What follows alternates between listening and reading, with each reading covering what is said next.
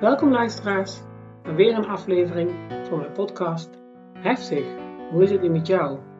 In elke aflevering ga ik in gesprek met iemand die of een heftige situatie mee heeft gemaakt, of een heel bijzonder leven heeft gehad, of impactvol werk heeft. En ik wil hem of haar de ruimte geven om die kant van het verhaal te vertellen dat niet zo snel belicht wordt.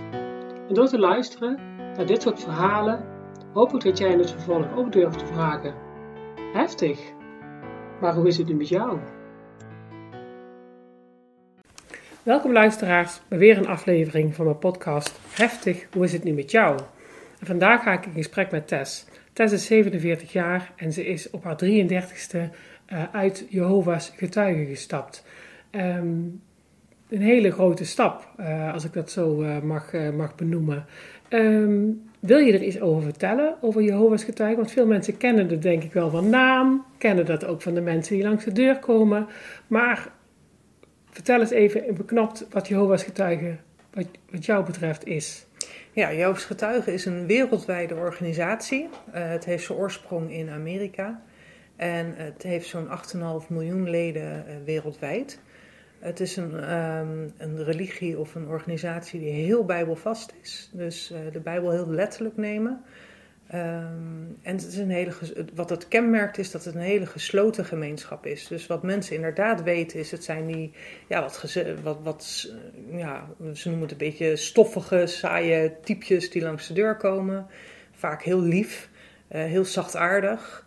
Um, ja, en als je ze vraagt weg te gaan, dan gaan ze weer gewoon weg. Of de bekende voet tussen de deur, hoor je natuurlijk ook wel eens. Mm-hmm. Maar daar stopt eigenlijk de kennis van Jehovah's getuigen. Ja. Het zijn de mensen die langs de deur lopen. En daar houdt het eigenlijk op. Um, wat kun je daaraan toevoegen? Hoe was dat voor jou in het gezin bijvoorbeeld? Want je komt uit een gezin met? Uh, drie meiden. Drie meiden. Ja, en je bent zussen. Ik ben de middelste. De middelste. Ja. ja, gezin met drie meiden. Opgegroeid binnen die Jehovah's getuigengemeenschap. Maar ik neem aan dat je gewoon met je gezin in huis woonde, toch? Ja, klopt. Oké. Okay. Ja. Hoe zag die gemeenschap er dan uit? Um, die gemeenschap is heel hecht. Uh, dat zie je al aan het feit dat iedereen elkaar broer en zus noemt. Broeder en zuster. Uh, iedereen is als, als kind is jouw oom en tante of jouw opa en oma, uh, afhankelijk van de leeftijd natuurlijk. En als gezin ben je uh, drie keer in de week ga je naar de vergadering. En daar ben je samen in jouw gemeente. Dat is een groep van, moet je je voorstellen, een stuk of tachtig broeders en zusters die dan samenkomen. Dat doe je drie keer in de week. En thuis is het, uh, betekent het vooral uh, gezinsstudie, heet dat. Dat je bepaalde bijbelse publicaties samen voorbereidt. Uh, het, is een, het is een levenswijze. Het is, het is een geloof, maar het is vooral echt een, een, een levenswijze. Ja, jeetje. We hebben heel veel tijd in de week. Het, ja, het is echt, jou, jouw hele leven is daarop ingericht. Dat klopt. Maar daarnaast ging je ook naar school, of niet? Ja, ik ging zeker ook naar school. Gewone school? openbare scholen. Oké. Okay. Oh, ja. ja. Ja, want uh, je, je kan niet als hoofdgetuige naar bijvoorbeeld een, een katholieke basisschool. Of uh, dat geeft natuurlijk meteen al een conflict. Dus uh, een openbare basisschool. Ja. Oké, okay. en hoe was dat voor jou? Dan heb je ook te maken met twee werelden, toch? School ja. en thuis. Ja, dat is heel erg twee werelden. Dat is ook best wel ingewikkeld. Um, aan de ene kant leer je al van jongs af aan dat je op school heel open moet zijn over jouw geloof. Je moet jouw geloof kunnen verdedigen. Uh, in de zin dat je niet deelneemt aan dingen als verjaardagen, Sinterklaas, uh, kerst, Pasen, noem maar op.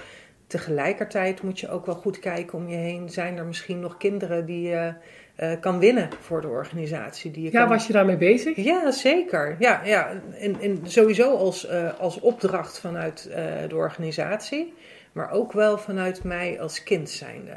Omdat Joobs getuigen leren dat er dadelijk ineens Armageddon komt. Dat is het, ja, het, het, eindoordeel van God. En dan wordt iedereen vernietigd die geen Joofs getuige is. En dat leerde ik al van kinds af aan. En ik leerde ook dat Armageddon bijna zou komen. Dat stond echt om de hoek. Um, dus als kind ga je kijken naar dat hele lieve vriendinnetje naast je, waar je eigenlijk wel gewoon heel erg gek op bent. Maar je weet ook, die gaat dadelijk dood. Ja, die wil je natuurlijk redden. Dus ik wil, ik wil zo iemand redden. Ja. Dus als kind begin je heel veel erover te praten in de hoop dat je ze kan redden. Maar ja, dat werkt natuurlijk ook wel zo dat mensen je dan ook wel een beetje raar gaan vinden en een beetje afstand van je gaan houden. Ja, dat merkte je. Ja, tuurlijk. Ja. ja. Werd er ook wat van gezegd? Had je daarmee gepest misschien zelf? Nou, ik ben nooit gepest daarmee. Maar ehm, het kwam vooral ook wel via de ouders. Hè, dat, dat ouders dat ook wel door gingen krijgen. En dat je dan niet bij elkaar uh, mocht spelen en zo.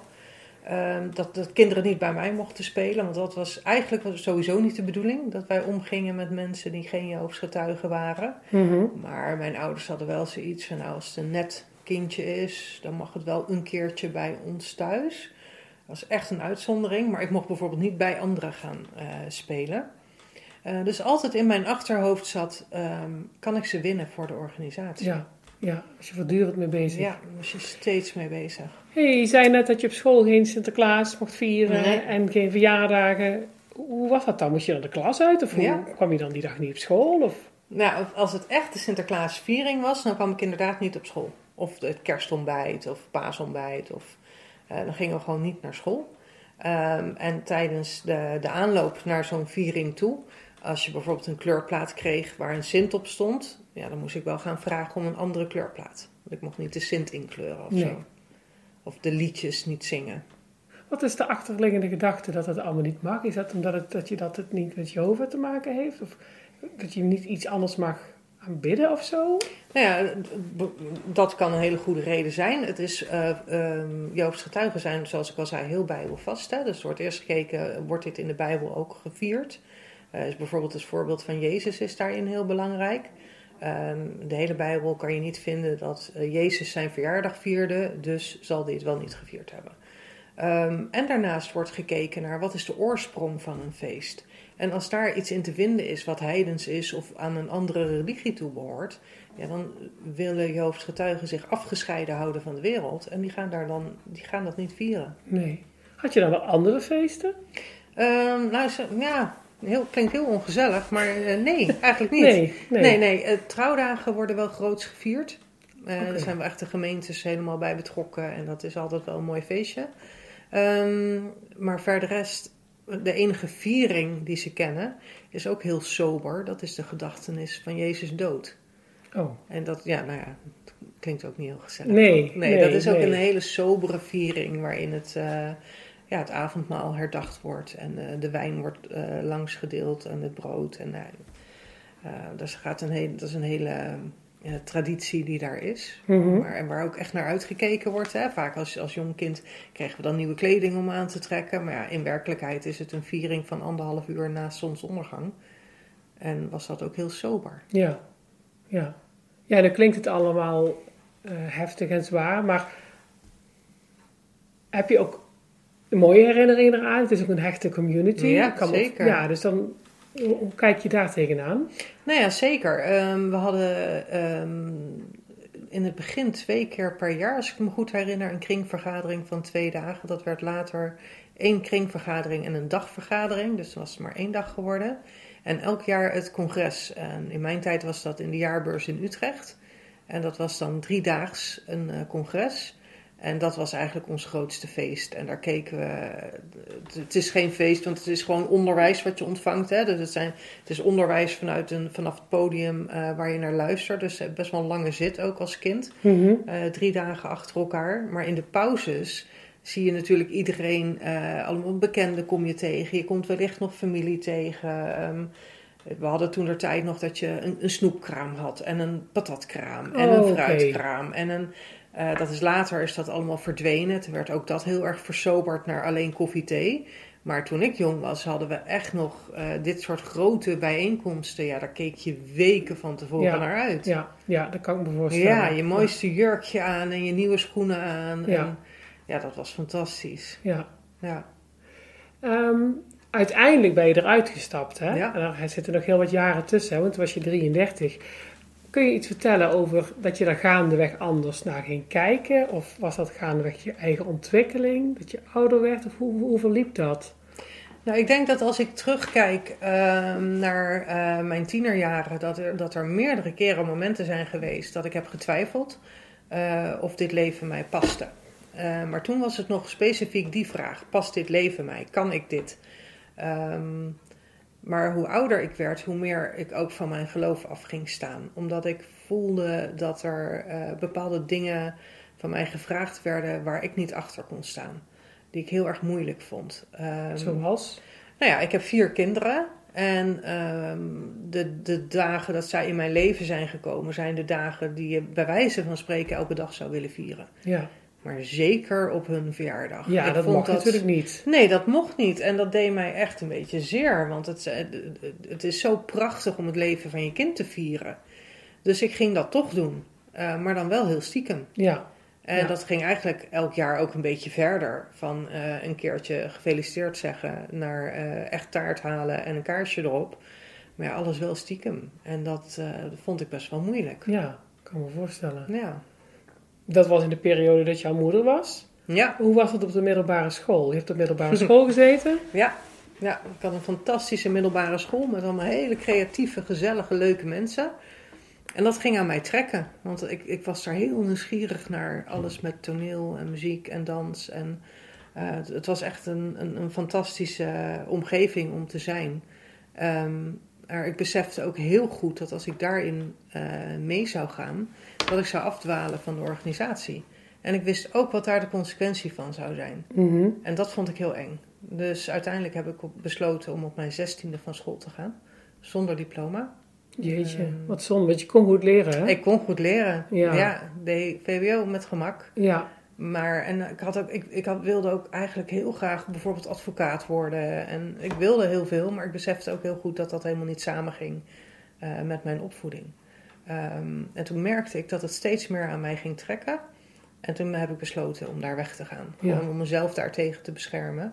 En eh, te kiezen voor de organisatie. ja, dus je koos toen duidelijk voor de ja, dat was organisatie. echt mijn eigen keuze Ja. op dat moment. Ja. Ehm, hoe zit het met de positie van de vrouw in Jehovah's getuigen?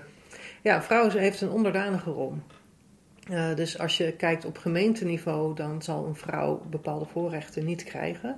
Als man kan je al vrij jong eh, het voorrecht krijgen om bijvoorbeeld eh, de microfoon aan te geven als mensen commentaar willen geven tijdens de vergadering. Lezingjes rechtstreeks gericht naar de, naar de gemeente te houden, bijbelse onderwerpen te bespreken, stukken uit de Bijbel voor te lezen. Ehm, dan kunnen ze dienaar in de bediening worden, dan kunnen ze ouderling worden. Nou, zo kunnen ze een hele carrière eh, hebben binnen de organisatie. Voor zusters is dat anders. Je mag eh, niet rechtstreeks de gemeente aanspreken. Je mag alleen maar zittend op het podium. Je mag dus ook niet staan. Ehm, tenzij tegenover een andere zuster mag je met elkaar mag je een onderwerp bespreken, maar nooit rechtstreeks naar de gemeente. En de gemeente, dan heb je het over... De 80 mensen die op gemiddeld zo'n man of 80 ja, die die groep bij die elkaar noemde. Dat, dat Ja. deed samen de gemeente. Dat heeft Ja. samen de gemeente. Ja. Ja, en, eh, en daar een taak in krijgen mag nooit eigenlijk als vrouw. Nee, daar heb je geen rol in. Nee, de enige taak die je kan krijgen is eh, die van pionierster. En dat betekende toen dat je 90 uur per maand ging prediken. En inmiddels ligt dat urenaantal vele malen lager. Oké. Ik weet niet exact hoe laag, maar dat ligt wel een stuk lager nu. En dat ben je ook gaan doen, hè? Ja, dat ben ik gaan doen. Je stopte met het VWO en je Ja. ging 90 uur per week prediken. Per maand, ja. Eh, sorry, ja, per 90 maand. uur per maand gepredikt. Dat heb ik 2,5 jaar gedaan. Ja. En, en hoe kijk je nu terug naar die periode? Nou ja, ook dat had zijn mooie kanten. Want je doet dat natuurlijk ook wel met, met meerdere pioniers. En dat had natuurlijk ook wel een hoop gezelligheid. Ehm, maar als ik nu terugkijk met wat ik nu weet, vind ik het eeuwig zonde. Ja, Ik kon gewoon heel goed leren en ik had dat eigenlijk wel heel graag gedaan. ja, Ja. ja. Je droom uit laten komen. Ja, precies. Ja. Ja. En op een gegeven moment ging het zo aan het kantelen in je hoofd. ehm, dat je, dat, je ja, dat, dat, dat geloof steeds meer verloor of zo? Ja, dat, dat was echt toen ik, toen ik dan wat eh, ouder werd en, en mijn kinderen had. Dat ik steeds meer het conflict in mijn hoofd voelde van eh, alle dingen die werden opgelegd en eh, de dingen die we leerden, kon ik niet vereen- verenigen met een liefdevolle God. Ja, En daar ontstond een conflict voor mij. Van ja, maar als God liefde is, als dat is wat we leren uit de Bijbel, dan snap ik al die regeltjes niet. De dingen die van mij gevraagd worden als mens, die, mij zo, die voor mij zo ehm, stuitend bijna voelen. ehm, ik, ik, ik kon daar niet meer mee verder. nee, nee. De vader van je kinderen eh, heb je wel leren kennen in de, in de gemeente. Ja, in de ja, gemeente. Ja. Ehm, En daar allebei uitgestapt. Ja. Ja. Ja, gelukkig wel. Ja. Ja? Ja, ja want Want? anders heb je natuurlijk het conflict. Je hebt vier kinderen samen. En stel dat mijn echtgenoot toen er was gebleven, dan heb je, ga je je kinderen opvoeden in de organisatie of daarbuiten. Met dat als ik uitgesloten zou worden, dan wordt het contact natuurlijk ook heel, heel moeilijk Ja, met kinderen en dus ook met de partner die, eh, die er nog wel in zit. dus dat is je geluk geweest Ja, dat je daar gelijkwaardig in was. Ja, Ja, dus eruit gestapt en ehm, je kinderen vrijer op kunnen voeden. ja, Ja. absoluut. Hoe zijn, hoe oud zijn ze nu? Ik heb twee mannen van 18, een dochter van 19 en een dochter van 24. Hoe gaat het met ze? Gaat fantastisch Ja. met ze. Ieder op hun eigen wijze zijn ze echt gewoon Ja. fantastische volwassenen aan het worden. Ja. Mag je wel heel trots zijn Ben ik, echt elke dag. Dat, hun, ei- dat zij hun eigen weg hebben mogen vinden in het leven. Ja, ja. ja, mooi dat je daar ook zo naar kunt kijken. Daar waar je zelf nog eh, behoorlijk beknopt bent geweest. ja. Kun je trots zijn op je eigen stappen die je hebt gezet? Ja, inmiddels wel. Ja, Ja. Het, is- ook dat is lastig hoor in het begin. Omdat je natuurlijk, als je net deze organisatie verlaat. Ik ben eerst heel lang inactief gebleven. eh, ehm, voordat ik me echt heb uitgeschreven, dus uitgesloten werd. En in het begin zeg je altijd: ja, maar dat komt omdat ik dat leven niet aan kan. Mhm. Dat is, in, dat is jarenlang het, het gevoel geweest. Van ja, Ja. maar dat komt omdat ik het niet op kan brengen. Dat komt omdat ik niet onder die regels kan leven. En het duurt een hele tijd voordat je ehm, daar los van komt. En ook eh, kan gaan zien ehm, dat het helemaal geen gezonde situatie was waar, waar ik in leefde. Wat vond je daar het meest beklemmende in? Wat vond je het lastigste? In de toen ik nog in de organisatie was. ehm, sowieso de positie van de vrouw vond ik heel ingewikkeld. Mhm. Maar ook eh, hun kijk op eh, bijvoorbeeld homoseksualiteit vond ik heel lastig. Eh, het, constante veroordelen van alles wat buiten de organisatie is. Ehm, daar ook niet nieuwsgierig naar mogen zijn. eh, vond ik heel moeilijk. Constante schuldgevoelens.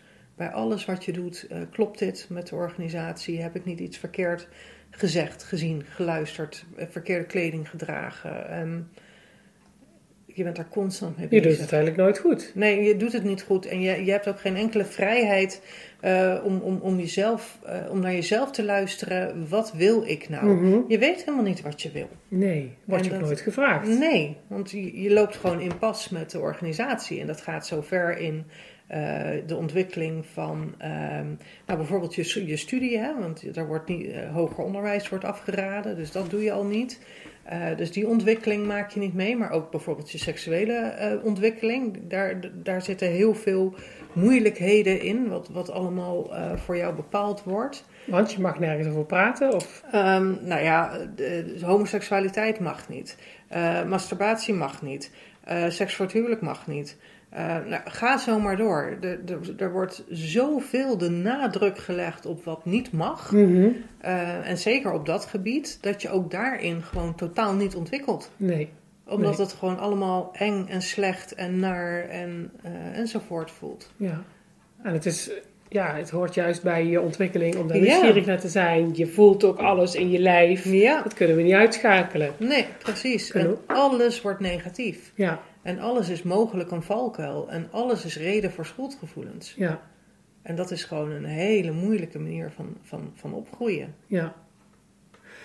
Ehm, je ouders zijn die, want jij bent erin geboren. Ja, Je ouders ook? Of hoe, nee. hoe ver gaat dat terug? Ehm, Mijn vader is erin geboren, maar dat hele gezin, eh, zijn hele gezin, eh, als in zijn ouders en zijn broer, die zijn eruit gegaan. Oh, En eh, ik weet niet exact wat daar de reden van is geweest. Daar is ook niet echt veel over gepraat. Ehm, Ik vind het overigens wel mooi dat ze dat als gezin hebben gedaan. Ehm, en mijn want dan hou je elkaar. Dan hou je elkaar. Ja, Ja, natuurlijk. ja, dan ja. hou je elkaar gewoon nog. Ehm, maar mijn moeder was katholiek. En eh, die heeft mijn vader leren kennen in een bar in Den Haag. En toen kwamen er Jehovah's getuigen bij haar aan de deur. En zij vond dat heel interessant. En zij is de Bijbel gaan bestuderen met eh Jehovah's getuigen. En toen heeft ze mijn vader meegenomen. Oh, terwijl je vader daar al uitkwam. Die vertelde dat pas toen ze samen naar een bijeenkomst gingen. En toen eh, zijn zij samen daarin verder gegaan. Ja. En zo ben ik erin geboren en mijn Ja. zus ook. Maar je vader is erin geboren, maar eh, hoe ver dat teruggaat, zijn familie, dat weet je niet. Weet ik niet precies, nee. Maar is dat ook kenmerkend dat daar dan allemaal niet over wordt gesproken? Of?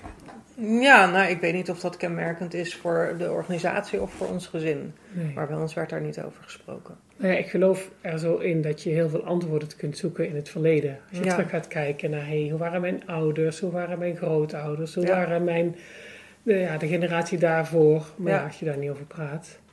Nee, kijk, het is natuurlijk ook heel ingewikkeld als je als, als ik even kijk naar mijn vader, als hij natuurlijk teruggaat, dan is er natuurlijk wel het feit dat mijn opa en oma en zijn broer natuurlijk wel officieel gedoopte getuigen zijn. Ja, En die daar dus niet meer naar leven. Dus dan kom, kom je alweer in het, het stukje eh, loyaliteit naar de organisatie door daar niet te veel mee om te gaan. ja, ja.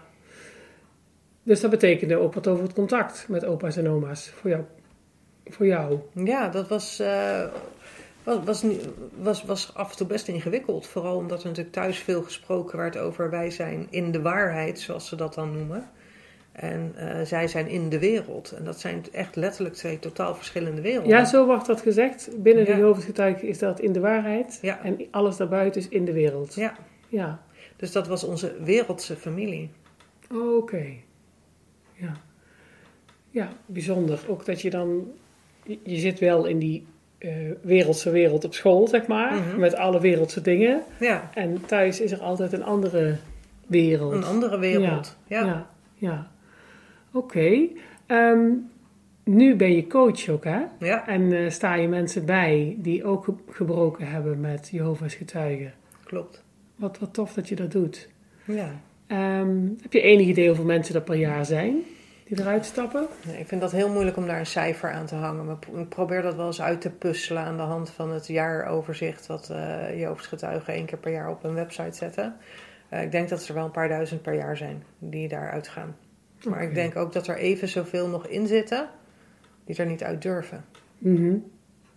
Want het is nogal wat, hè? Ja, Het is breken ook eigenlijk met ja, die heel die gemeen, gemeente. Ja, nou ja, kijk, als je zo- net zoals ik daarvoor kiest om eerst inactief te zijn, dan is er nog wel wat contact mogelijk met eh, ouders en eh, de rest van je familie. Ehm, maar dat wordt dan wel een beetje afgeraden, want je bent natuurlijk niet meer geen actief lid, dus dan heb je mee een beetje verkeerde invloed. Ehm, maar zodra je wordt uitgesloten, wordt echt alle contact met jou verbroken. Mhm. Dan word je echt gewoon eh, ja, geestelijk dood verklaard. En dan besta je niet meer. Zo. En dat is natuurlijk wel iets wat mensen boven het hoofd hangt. En ehm, dat gaat niet iedereen heel makkelijk af om, om, om daarmee te breken. Je moet bijvoorbeeld ook denken aan eh, huwelijken, bijvoorbeeld als, als er kinderen in het gezin zijn, als een van de partners eruit zou willen. Stel je voor wat er gebeurt als, als een van de twee wordt uitgesloten.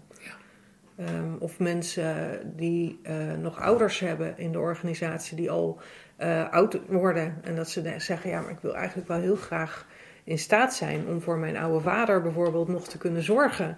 Eh, dus ik wil daar heel graag uit, maar dan wacht ik wel tot hij is overleden. Ja. En zo zitten er nog heel wat mensen in de organisatie die er eigenlijk heel graag uit willen, maar dat helemaal niet kunnen of durven. Nee, ja, dat is, het is ook nog wel wat natuurlijk. Ja, Hoe verliep dat bij jou? Van het inactief zijn naar uiteindelijk er helemaal mee breken?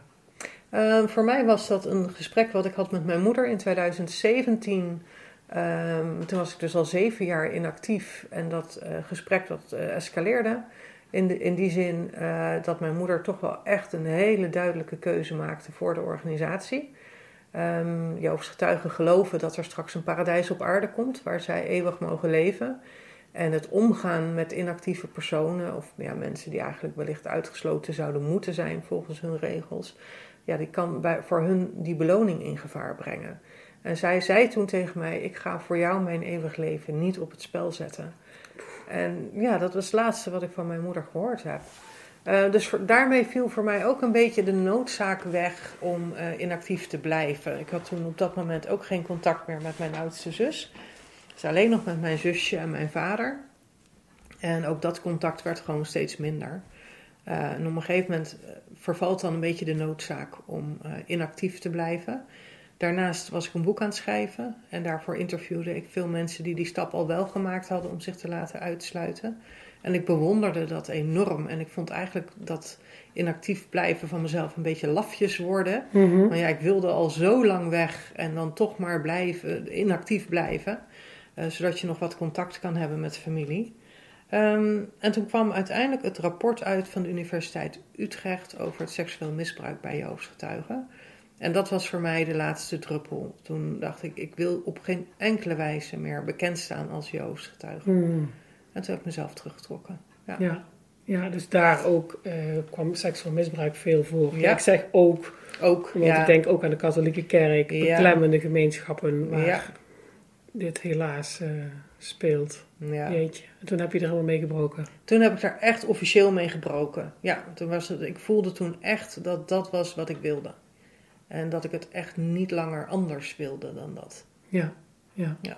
En wat betekende dat voor het contact met je ouders, met je zussen, met andere mensen in de gemeenschap? Dat is er niet meer dan. Nee, Nee. daar heb je helemaal geen contact meer mee. Nee, want op het moment dat ik mijn brieven dan verstuur, die verstuur ik naar het hoofdkantoor hier in Nederland, zit in Emmen. En naar de laatste gemeente waaraan ik verbonden ben geweest. Als, zodra ik die brieven verstuur, eh, dan wordt dat, ehm, je krijgt gewoon een bevestiging netjes thuis. Eh, en dan wordt er ook een openbare bekendmaking gedaan in de gemeente waar je hebt eh, gediend. En eh, op dat moment word je formeel uitgesloten. Ja, dat komt dan natuurlijk ook bij iedereen terecht. Want het is in die zin net een dorp. Iedereen praat over elkaar met elkaar. Dus binnen no time weet iedereen natuurlijk dat jij uitgesloten bent. En geen deel meer uitmaakt van de christelijke gemeenschap, zoals Ja. dat dan wordt gezegd. Dus ja, dan. ehm, ik, ik hoor in mijn coaching ook ehm, regelmatig dat mensen. Eh, dat vind ik overigens ongelooflijk stoer. bij hun eigen uitsluiting aanwezig zijn. Dus die dan ook echt letterlijk in de koninkrijkszaal aanwezig zijn op het moment dat de bekendmaking gedaan wordt. Ja, en die, die, je merkt gewoon meteen dat je niet meer gegroet wordt. En eh, daar, daar stopt alles. En dan kijk je in je WhatsApp-lijst en dan zie je ineens al die eh, profielfoto's verdwijnen. Want dan ja, je wordt Oh. overal geblokkeerd. Je wordt echt uitgewist op dat moment. Wat doet dat dan met je? Ja, het is verschrikkelijk. Ja, Ik denk dat ik daar heel lang naartoe heb, heb geleefd. Omdat ik natuurlijk in 2010 al inactief werd. Waren heel veel banden al, ver- al gewoon verbroken. Ehm, dus dat is bij mij heel geleidelijk gegaan. Maar ik denk op het moment dat je dat op die wijze ziet verdwijnen. Ja, je wordt gewoon letterlijk ontkend. ja. Jouw bestaan wordt gewoon ontkend. Ik was pas uitgesloten en mijn moeder zette een foto op Facebook van eh, mijn zussen met aanhang en, en kleinkinderen en ehm, aan een lange tafel. En daar zetten ze bij eindelijk mijn hele gezin weer eens aan tafel. Wat pijnlijk. Ja. Ja. Oh, onvoorstelbaar. Ja. Maar dat dat ook kennelijk ook haar overtuiging wordt. Dat ze zo loyaal is aan Jehovah's getuigen. Ten koste van je eigen kind. Ja. Ja, ongelooflijk dat dat dus kan. Ja, ik vind dat dan psychologisch gezien echt zeer interessant. Ja. Ja, Nou ja, kijk, zij heeft de overtuiging dat dadelijk, als zij getrouw blijft, komt zij in een paradijs. ja, En dan zal haar herinnering aan mij ook uitgewist worden. Dus dan zal alle pijn en alle verdriet die zij als moeder ongetwijfeld Ja. voelt. ja, Ik ben ervan overtuigd dat mijn ouders eh, veel verdriet ook voelen. ja, Ehm, maar dat wordt dadelijk uitgewist en hun beloning is het eeuwig leven in het paradijs. Het risico die, dat zij zouden nemen om wel met mij om te blijven gaan, is natuurlijk dat ze heel dat paradijs niet bereiken. ja. En dit leven is tijdelijk. Dit leven is het tijdelijke leven. Ja. ja. Want hoe zullen ze er dan echt tegenaan kijken? In de zin van, eh, het is ons niet gelukt om Tess binnen de gemeenschap te houden? Of hoe zullen ze dat zien? Ja, ik, ik, durf niet voor hun te praten, maar dat zal allicht door hun hoofd heen gaan. Ja, dat dat, dat niet gelukt is. Kijk, ehm Jehovah's getuigen leren dat op het moment dat jij kinderen krijgt, dat is een erfdeel van Jehovah. En je kinderen zijn dus in die zin niet van jou. Eh, Mm. En die, die leid je op om goede Jehovah's getuigen te worden. Mhm. Daar krijgen ze ook alle eh, leiding en onderwijs naar, van hoe ze dat het beste kunnen doen. Ja, en in die zin hebben ze natuurlijk wel, in mijn geval, gefaald, ja. Ja, ja, Ik kan me voorstellen dat ze dat zo ervaren. ja, Maar uiteindelijk ligt de verantwoordelijkheid natuurlijk bij mij. Want ik Ja. heb mij op mijn zestiende laten dopen, dat is al vrij laat. En op het moment dat ik mij liet dopen, heb ik dus eh, eigenlijk mijzelf aan de organisatie gegeven. En ik heb dat contract verbroken. ja, ja. Want eh, wat is gebruikelijk eh, leeftijd om gedoopt te worden? Ehm, als je een zekere mate van geestelijke volwassenheid hebt bereikt. Dus dat is natuurlijk heel vaag. Ehm, je moet goed kunnen onderbouwen wat jouw geloof is en waarom jij het gelooft. Je moet dat geloof kunnen verdedigen. En eh, dan maak je kenbaar aan een ouderling in de gemeente: ik zou mij graag willen laten dopen. Dat is jouw opdracht aan, uh, aan Jehovah. Je draagt jezelf in gebed op. Je maakt dat kenbaar aan een ouderling. En dan krijg je drie, toen drie afspraken met ouderlingen, waarin er allerlei doopvragen gesteld worden. En dan gaan ze kijken of je dat ook goed kan beantwoorden, die vragen, en kan onderbouwen. En dan krijg je toestemming om gedoopt te worden. Nou is het voor elk kind natuurlijk verschillend op welke leeftijd je dat kan en je dat uh, bereikt hebt. Uh, ik heb nu, uh, hoor je van kinderen zo jong als negen jaar oud die gedoopt worden. Ik heb zelfs zeven jaar een keer gehoord. Dat is natuurlijk eigenlijk bizar, want je, je tekent een contract voor het leven. Want je mag nooit meer weg. Ja. Dus ik was 16 en ik mocht nog geen rijbewijs. Ik mocht nog niet stemmen. Ik mocht niet drinken. Ik, weet je, de, de, de, wet bepaalt niet voor niets dat je bepaalde dingen nog niet mag. Mm -hmm. Omdat je gewoon nog niet volwassen genoeg en ontwikkeld genoeg bent om dit soort beslissingen te nemen. Maar in de organisatie geld, gelden die regels niet. Nee. Dus ik mocht op mijn zestiende een contract voor het leven tekenen. Terwijl er ook genoeg geloven zijn, bijvoorbeeld het katholieke geloof, dat, dat je ouders beslissen om je als baby te laten dopen. Ja. Dan heb je helemaal geen zeggenschap. Dan heb je geen zeggenschap, maar als je daar weg wil, dan mag je wel weg. Ja, dat is ja, denk ik het ja. grote verschil. En het zal allicht zijn dat uh, je hebt daar natuurlijk ook de wat strengere stromingen, waarin ouders het heel erg ingewikkeld vinden als je uh, niet meer naar de kerk wil of een ander soort leven gaat leiden. Dus daar zullen ook echt uh, voorbeelden zijn van waar dat heel lastig is. Ja. Het verschil met Joofs getuigen is, is dat uitsluiting wordt opgelegd. Ja. Dus mijn ouders wordt opgelegd dat ze mij dus Ja. nu moeten uitsluiten. En dat is natuurlijk wel een heel groot verschil. Ja, absoluut. Ja. Hoe kijk je dan aan tegen, hoe zou het nu met ze zijn, bijvoorbeeld je ouders? Houd je dat bezig? Um, nou ja, mijn moeder heb ik nooit meer gesproken. Mijn vader heb ik nog wel een enkele keer. Uh, ik heb hem nog één keer aan de telefoon gehad, omdat toen een, een uh, tante van mij kwam te overlijden. Um, In de gemeenschap? nee, nee, die, die, was wel daarbuiten, maar die hadden wel wat contact, want die woonden vlak bij elkaar. Dus um, toen heeft mijn vader dat als, ja, ik, ik gok als excuus aangegrepen om toch een keer te kunnen bellen. Het voelde een beetje zo. Mhm. Alsof hij een reden had gevonden om mij een keer te mogen bellen. Dat is heel bijzonder. Um, en mijn vader heeft ook, toen corona eenmaal het land in kwam, um, af en toe gecheckt via de WhatsApp of alles nog oké okay was met mij en mijn kinderen. Oké. Okay. En dat vind ik dan ongelooflijk lief, Ja. uh, dat hij dat doet. Maar um, ja, als je dan een heel voorzichtig toch een beetje richting een gesprek gaat, dan gaat het altijd naar dat ik moet terugkomen in de organisatie. Ja. En dat hij dat zo ontzettend hoopt. Ja. Dat hij zo ontzettend hoopt dat ik nog terugkom. Ja. En um, op een gegeven moment liet hij mij ook weten dat, dat er een, een bruiloft was geweest van mijn oudste neefje. En dat hij dan mij en mijn kinderen daar zo bij gemist had. Ja, dat vind ik verschrikkelijk om te lezen. En tegelijkertijd denk ik, ja, maar lieve, lieve, lieve papa, je hoeft mij niet te missen. Mm -hmm. Ik ben er gewoon ja. nog. Ja. En dat, dat is wel heel ingewikkeld Ja. om, dat, om dat te begrijpen, dat iemand je zo mist. Ja. En dan toch kiest voor het geloof. Ja. Ik vraag mensen heel vaak, um, uh, toen je klein was, wie zag jou toen echt? Wat zou jij daarop antwoorden? Wie zag jou echt? Niemand. Nee. Nee. Dat is al veelzeggend, hè? Ja. Want je ouders waren zo bezig met goede Ja. Jehovah's getuigen te zijn. Ik denk dat niemand jou kon zien, mij, mij kon zien, want wie was ik? Ik was een. Je leeft in een soort programmering. Dus Ja. natuurlijk zit daar jouw karakter wel onder. Maar als je mij vraagt, had je jezelf al kunnen zien? Maar dat vind ik dan zo pijnlijk. Ja. Op de vraag van wie zag, wie zag jou? Dat je zegt, ja, niemand. Nee. Nee, alsof Nee. niemand iedereen aanstond voor een hogere macht of zo, die dan Jehovah's getuige heet. Ja. Ja. En hoe reageerde bijvoorbeeld school daarop? Als je dan niet bij een verjaardag mocht zijn? Ehm, Nou ja, je merkte natuurlijk bij, bij eh, kinderen uit je klas wel een beetje wrijving. Hè? Want eh, vind je me dan niet aardig of zo? Ja, Want eh, een liedje zingen voor verjaardagen, dat deed je natuurlijk niet mee. Je pakte de tractatie niet, aan. Dat kon, kan natuurlijk heel bot overkomen. ja. Zat je er wel bij? Ja, daar zat ik vaak wel bij. Eh, maar dingen als bijvoorbeeld de kerstvieringen en zo dan niet. Nee. Of bijvoorbeeld als het in biologie over evolutietheorie ging. Oh, dat kon natuurlijk Dan moest niet. ik de klas uit. Eh, bij seksuele voorlichting moest ik de klas uit. Ja, zo waren er natuurlijk heel veel momenten waarop ik mijn stoeltje pakte en maar weer naar de gang vertrok. Eh, gymlessen waren heel ingewikkeld, omdat ik een ketting om mijn nek droeg waarop stond dat ik geen bloedtransfusie mocht in geval van een ongeluk.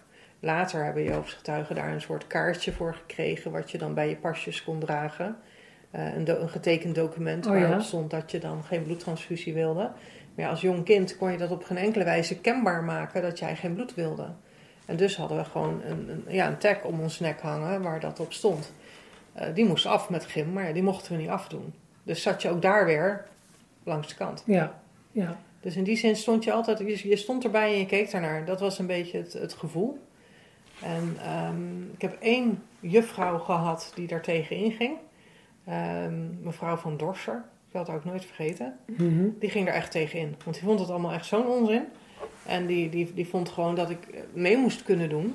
En toen zijn we van school gewisseld. Oh, dan gebeurt Want dat. dat was, ja, dat, dat was tegen, tegenstand, die, eh, dat, dat werd te veel. En toen hebben ze een andere school voor ons gevonden. Ja. En toen eh, zijn we van school gegaan. Ja, En dan verlies je ook weer heel veel, hè? Ja, weet je, als je in groep 8 van school moet, eh, of groep 7 van school moet wisselen. Je hebt normaal bouw je met elkaar naar een eindmusical bijvoorbeeld Ja. toe of zo. Ja, ik- eind groep 7 ben ik van school gewisseld. Dat was echt niet leuk. Hmm.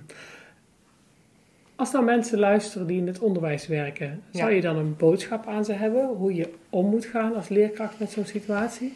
Ja, dat is ongelooflijk moeilijk. Want eh, je, je kan ervan uitgaan dat een kind thuis alles vertelt. Ja. Ehm, eh, en dat een kind dus ook echt eh, heel erg overtuigd is van dat, dat, dat je- Jehovah altijd meekijkt. En dat ze in die zin ook altijd eerlijke dingen moeten vertellen. Dus het is heel moeilijk om ze bijvoorbeeld te proberen ze stiekem iets te laten doen.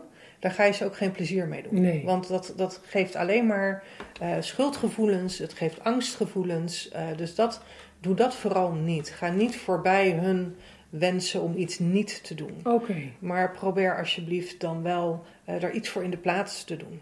Dus, dus op een andere manier ehm, toch iets leuks mee te geven of, of ergens bij te betrekken. Ehm, ja, en wees alsjeblieft alert op signalen van mishandeling, misbruik en dat soort zaken. Ik denk dat, dat je daar als leerkracht enorm alert op moet zijn. Hmm. Want hoe staat het met... Je hebt al iets gezegd over een rapport over misbruik, dat Ja. de cijfers enorm waren. Ja, Hoe zit dat met mishandeling? ik denk dat die even groot zijn. Ja. Want dat is iets wat, ehm, wat ook in de Bijbel staat. Als je van je kind houdt, dan eh, onthoud je de roede niet. Ehm, en het is vrij normaal om, om dat ook gewoon toe te passen eh, bij kinderen. Maar wat moet de school daar dan mee, als dat ook allemaal zo moeilijk bespreekbaar is? Ja, ongelooflijk ingewikkelde vraag. Want wat kan je daarmee als, als, als leerkracht? Ja, signaleren, ehm, doorgeven aan instanties. Weet je, ik zou ook in die zin. ehm, die- ik krijg die vraag wel eens. Eh, mensen weten mij goed te vinden via mijn website. En dan krijg ik wel eens dit soort vragen. Vooral, maar ook bijvoorbeeld eh, op wat latere leeftijd, hè, middelbare school. Van joh, ik heb een dame in de klas die is Jehovah's getuige. Hele slimme meid, maar die wil niet gaan studeren. Eh, hoe moet ik daarmee omgaan? Ja, het enige wat ik kan doen is de achtergrond uitleggen. En vanuit, eh, zodat leerkrachten begrip krijgen van waarom een kind een Ja. bepaalde keuze maakt. En waar een kind mee te maken heeft thuis. Wat zijn de gevolgen voor het kind als het niet goed gaat? Ja. En eh, ja, van daaruit is het toch echt, denk ik, aan de leerkrachten en, en de systemen daaromheen om daar een weg in te gaan vinden. Hmm. Dus laat je informeren als leerkracht, eh, maar bijvoorbeeld ook als, als, als huisarts of, of als eh, psycholoog of wat dan ook. Laat je informeren over deze organisatie. Wat is het systeem waar deze mensen vandaan komen? Ja. Ja. Wat wordt ze geleerd? Ja. Wat hangt ze boven het hoofd als ze ehm, zich niet aan de regels houden? Waar liggen die angsten? Ja. Ja, dat is wel een, lange, een belangrijke boodschap. Ja. ja. Ja. Wat had jij jouzelf gegund, achteraf bezien, toen je klein was? Ehm, ja, vrijheid. dat vrijheid op elk vlak. Ik, ik had wel graag voor mezelf willen nadenken Hmm. over wat wil ik nu en Hmm. ehm, eh, waar word ik blij van, waar word ik gelukkig van. En dat, ehm, ja, als je dat later nog moet gaan ontdekken, weet je wel, wat, wat, wat jou definieert, is dat best wel heel ingewikkeld. Ja. Ehm, daar heeft dus iemand tegen mij gezegd: ehm, als jij op jouw leeftijd nog moet gaan ontdekken wat jou definieert, heb je misschien een niet in te lopen achterstand Ja. opgelopen. En ik vond dat heel hard. En ik nam het ook als een uitdaging. Ja. Want ik dacht, nou, dat zullen we nog wel eens zien. Ja. We zullen nog wel eens zien of ik kan ontdekken waar ik gelukkig van word. Nou is mij dat gelukkig heel goed gelukt. En eh, nou, ik heb er ook mijn werk van kunnen maken. Maar ik zie wel dat dat bij heel veel ex-getuigen zo'n enorm gevecht is. Wat wil ik? Ja. Wie ben ik? Wie ben ik eigenlijk? Ja, wat voel ik? Wat denk ik? Wat vind ik fijn? Geen Ja. idee. Geen enkel idee. Of binnen welke kaders moet ik mij bewegen? Ehm, de kaders van de wet. En voor Ja. de rest, ga wat, ga wat moois ontdekken. Hoe is jou dat gelukt? Oneindig eigenwijs karakter Ja? wellicht. Ja? Ja, ongelooflijk eigenwijs en eh, vooral heel erg nieuwsgierig. En ehm, ik denk, ik- toevallig stelde een vriendin mij die vraag eh, twee weken geleden ook: hoe heb je dat dan gedaan? En toen heb ik eigenlijk geantwoord: ik ben op een gegeven moment gaan spelen. Ik besloot te gaan spelen. Ja. Want dat heb ik natuurlijk als kind in die zin, je hebt je in die zin niet, niet zo speels ontwikkeld. En ik besloot ineens, ik ga, ik ga spelen. Ja. En ik ben de hele wereld als een speeltuin gaan bekijken. Als ik mijn kerstboom optuig, dan zie ik dat door de ogen van een kind. Ja. En ik kies mijn, mijn kerstballen uit op die manier. Van, ja, met een kinderlijke nieuwsgierigheid ben ik het leven aan het ontdekken. Ja, dus nu vier je kerstmis. Ik vier kerstmis, ik vier de verjaardagen van mijn kinderen zeer uitbundig. Die van mezelf betekent voor mij nog steeds eigenlijk niks. Ehm, maar de verjaardagen van mensen die mij dierbaar zijn, die vier ik heel uitbundig. En, dat, ehm, en alles dus met een hele kinderlijke nieuwsgierigheid. Ja. Ook gewoon de vragen stellen aan mensen die van een andere geloofsrichting komen. Van, maar waarom dan? Het Mhm. eeuwige waarom. En Ja. hoe voel je dat en hoe zie je dat? Ehm, maar ook mensen met een andere geaardheid. Of noem maar op. Ja, je bent ook eigenlijk later het hele leven gaan omarmen met Ja, al zijn facetten. ja zeker. Knap hoor. Ja. Ja, dat zal een beetje het rebels zijn. Ja, Heeft je heel wat gebracht. ja, En je zeker. boek. Je hebt een Ja. boek geschreven. Ja, het gezicht van de waarheid. Ja, ja. Ja. Mooi. En je bent nu coach. Mensen bij te staan die eh, uit Jehovah's gestijgen stappen. Ja. Wat zou je mensen mee willen geven die... eh, ik weet niet of die luisteren hoor. Hm. eh, maar mensen die ehm, op zo'n punt staan van... Wat moet ik ermee? Moet ik blijven? Moet ik weggaan? Is het het waard? Hoe kijk jij daar tegenaan? Ehm, nou, ik zou sowieso zeggen, neem contact op, vooral. Want dit hoef je helemaal niet alleen te doen. Hmm. Eh, er zijn genoeg mensen die je daarbij willen helpen, vanuit hun eigen ervaring. Ehm, en durf maar. Ik weet Ja. hoe vreselijk eng het is. Ja, Het is zo eng. ja, En je raakt alles kwijt. ja, Maar nadat je alles kwijtraakt, kan je dus ook weer alles winnen. ja, En het leven na uitsluiting is zo ontzettend mooi. ja. Want echt alles ligt weer open. Je mag gaan ontdekken wie jij bent, waar je gelukkig van wordt.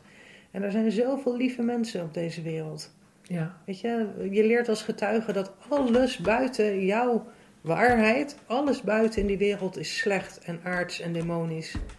En dat is het niet. Nee. Er zijn zoveel lieve mensen om te ontdekken. En daar staat een heel netwerk aan ex-getuigen ook klaar om je op te vangen. Oké. Dus spring maar. Ja. En dan vangen wij je wel op. Oh, dat vind ik heel mooi Ja. gezegd. Spring maar, Ja, dan vangen wij wel, eh, je wel op. ja durf maar. Ja. Ja. Ben jij opgevangen? Nee, Daarom ben je het gaan doen voor anderen. Ja. dat vind ik echt super. ja. Mooi. Nee, ik heb het echt zelf moeten ontdekken. Ja, En ehm, het was pas toen ik mijn boek ging schrijven dat ik voor het eerst mezelf toestond om andere ex-getuigen op te zoeken. Omdat ook die natuurlijk altijd mij geleerd is dat die heel slecht zijn. En dat er niks goed van jou kan komen. Op het moment dat je de organisatie verlaat, zal je vervallen in, in drugs, in drank. In, in, die, je bent niet meer in staat om lief te hebben. In de organisatie worden mensen zoals ik omschreven als ongedierte, als vergif. Zo wordt het letterlijk vanaf het podium benoemd. Dit soort mensen zijn vergif, ze zijn ongedierte. En als dat jou. Ik heb dat dus ook zo gevoeld, dus ik heb ze Ja. nooit opge- Ja. opgezocht. ja, Totdat ik mijn boek ging schrijven. En uh, ja, dat was gewoon magisch om, om mensen bij elkaar te zetten met dezelfde achtergrond. Ja. En toen ik dat zag gebeuren, ja, toen dacht ik, ja, dit, maar hier ligt de sleutel. En stuk voor stuk mooie ontmoetingen. Hele mooie ontmoetingen. Ja. En je ziet uiteindelijk dan de kracht van een groep. En als je nu met elkaar bent, met ex-getuigen, is dat zo versterkend voor mensen. Mooi. En dat uh, is gewoon, ook, ook dat kan een hele veilige plek zijn. Super mooi dat jij hebt durven springen. en dat jij nu anderen uh, zegt van spring en uh, wij vangen jou wel op. Ja. Super mooi. Dankjewel. Dankjewel voor dit hele mooie gesprek. Want ik vind dit een heel mooi einde van ons, ja. uh, van ons ja, mooie gesprek. Dankjewel. En ik hoop dat je nog veel mensen op mag vangen. En ik wens jou heel veel geluk met je vier prachtige kinderen. Dankjewel. Dankjewel voor het luisteren naar mijn podcast. Ik vind het super leuk om te horen wat jullie ervan hebben gevonden. Dus dan mag je me altijd een appje of een mailtje over sturen. Dankjewel en tot de volgende keer.